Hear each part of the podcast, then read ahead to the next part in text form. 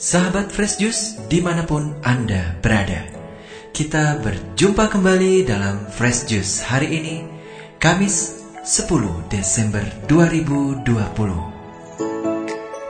Bacaan dan renungan akan dibawakan oleh Novi Yanti dari Bandung. Selamat mendengarkan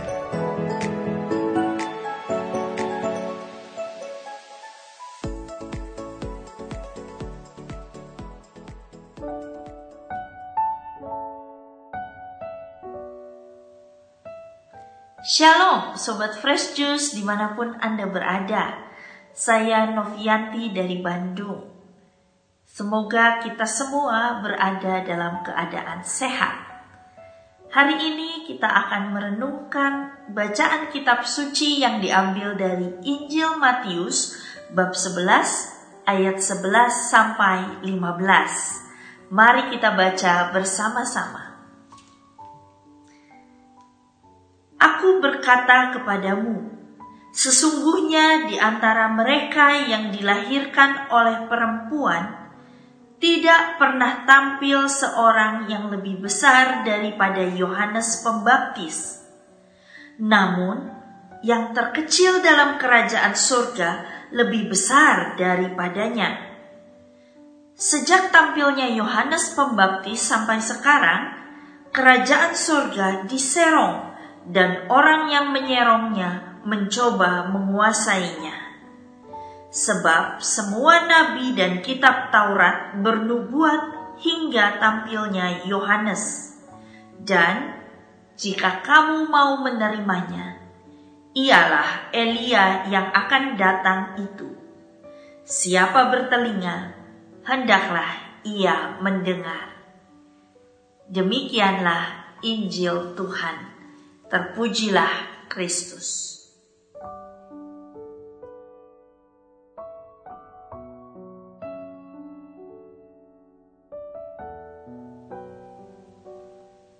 Sobat Fresh Juice, suatu kali saya menonton film yang mengisahkan tentang seorang anak yatim piatu yang hidupnya miskin dan menderita. Tetapi suatu hari ada sepasang suami istri kaya raya yang mengangkat dia menjadi anak mereka. Dan sejak saat itu hidupnya berubah 180 derajat. Dia menjadi anak kaya raya, ke mana-mana naik mobil, tidak lagi miskin dan menderita. Dia telah menjadi anak kesayangan dari ayah dan ibu barunya. Dan terlebih lagi, sekarang dia bisa merasakan kasih sayang orang tua. Hidupnya menjadi bahagia, menjadi sukacita, berkelimpahan, dan berkecukupan.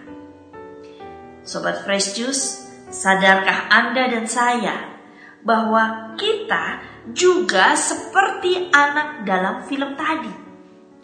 Kita yang tadinya hidup menderita karena terbelenggu oleh dosa, kita yang tadinya hamba dosa hidup dalam kegelapan, berkat wafat dan kebangkitan Yesus, hidup kita berubah 180 derajat. Kini kita menjadi anak-anak Allah, kita menjadi ahli waris kerajaan Allah. Kita boleh merasakan kasih Allah yang begitu besar kita punya seorang Bapa yang mengasihi kita, yang bisa kita panggil namanya Ya Aba, Ya Bapa, yang begitu dekat dengan kita. Kita tidak lagi menderita, tetapi kita penuh sukacita, penuh damai. Karena ada roh Bapa sendiri yang tinggal di dalam kita dan menyertai kita. Luar biasa bukan?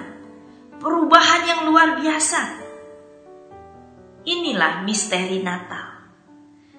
Inilah kisah Natal. Inilah kabar sukacita Natal. Kelahiran Yesus Kristus ke dunia menjadi sama seperti kita adalah untuk melaksanakan misi Bapa ini, yaitu menyelamatkan kita, mengangkat kita, memindahkan kita dari kegelapan kepada terang, mengubah hidup kita 180 derajat. Di masa Advent ini, kita diajak untuk merenungkan tentang Yohanes Pembaptis. Siapakah dia? Dia adalah nabi yang terbesar. Dalam Katekismus Gereja Katolik nomor 523 juga dinyatakan betapa besarnya Yohanes Pembaptis itu. Yohanes Pembaptis adalah perintis Tuhan yang langsung yang diutus untuk menyiapkan jalan baginya. Dialah yang pertama kali mengenali siapa Mesias itu. Yohanes Pembaptis bahkan sejak dalam rahim ibunya sudah melonjak kegirangan ketika bertemu dengan Yesus. Yesus sendiri mencari Yohanes untuk minta dibaptis. Dan Ketika akhirnya Yohanes Pembaptis mati terbunuh, Yesus begitu sedih. Dia sampai mengundurkan diri, mengambil waktu untuk berdoa karena dia begitu sedih.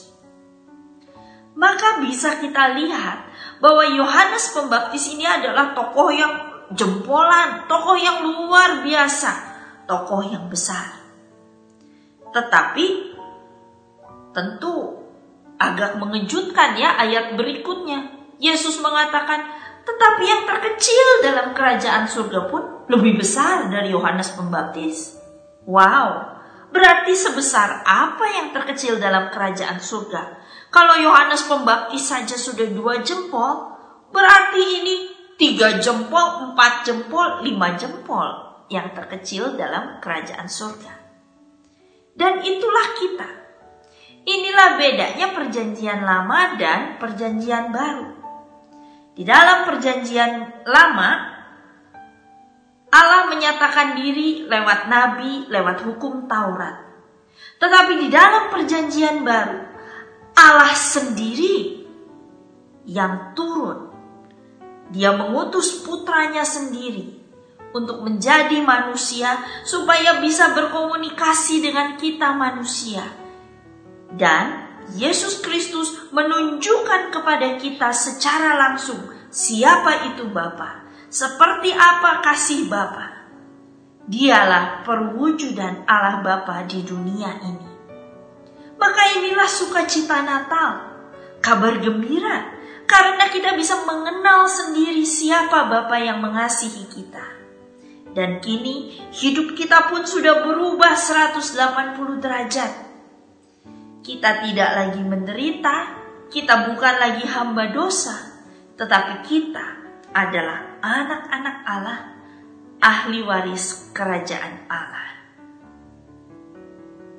Sobat Fresh Juice, di masa Advent ini, mari kita renungkan hal ini. Mari kita kembali sadari betul-betul bahwa kita adalah anak-anak terang kita adalah anak-anak kerajaan Allah. Kita sudah diperbaharui. Kita bukan lagi manusia lama, tetapi kita adalah manusia baru.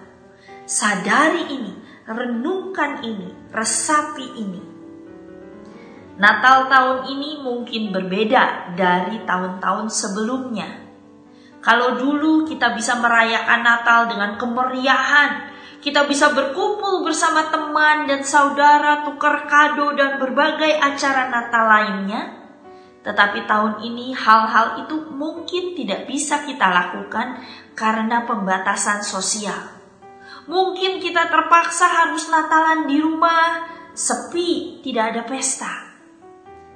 Tetapi, pesta atau tidak pesta, virtual atau bukan virtual, tukar kado atau tidak, itu semua sama sekali tidak mengurangi arti Natal. Karena arti Natal tetap sama, kabar sukacita Natal tetap sama. Hidup kita sudah diubah 180 derajat. Itulah arti Natal. Maka saat tahun ini kita terpaksa menjaga jarak, Mungkin itu adalah kesempatan yang Tuhan berikan kepada kita untuk kita mengambil waktu sejenak melihat ke dalam diri kita, merenungkan apa arti Natal untuk saya. Apa apakah saya sudah siap menyambut kehadiran Yesus di dalam hati saya? Mari kita berdoa. Demi nama Bapa dan Putra dan Roh Kudus. Amin. Tuhan Yesus, terima kasih karena Engkau mau turun ke dunia menjadi sama seperti manusia untuk menebus kami. Terima kasih atas kabar sukacita yang Engkau bawa kepada dunia ini. Terima kasih atas status baru kami sebagai anak-anak Allah, sebagai manusia baru yang tidak lagi hidup menurut daging, tetapi hidup menurut roh. Maka saat ini kami mohon kepadamu, beri kami hikmat, kebijaksanaan, pengertian, dan kekuatan untuk bisa menghidupi panggilan kami itu, untuk bisa hidup seturut pembaharuan yang telah Engkau limpahkan kepada kami. Terima kasih Tuhan, demi Kristus Tuhan dan pengantara kami. Amin. Demi nama Bapa dan Putra dan Roh Kudus. Amin. Sahabat Fresh Juice, kita baru saja mendengarkan Fresh Juice Kamis 10 Desember 2020. Segenap tim Fresh Juice mengucapkan terima kasih kepada Novi Yanti untuk renungannya pada hari ini. Sampai berjumpa kembali dalam Fresh Juice edisi selanjutnya. Tetap semangat, jaga kesehatan, dan salam Fresh Juice.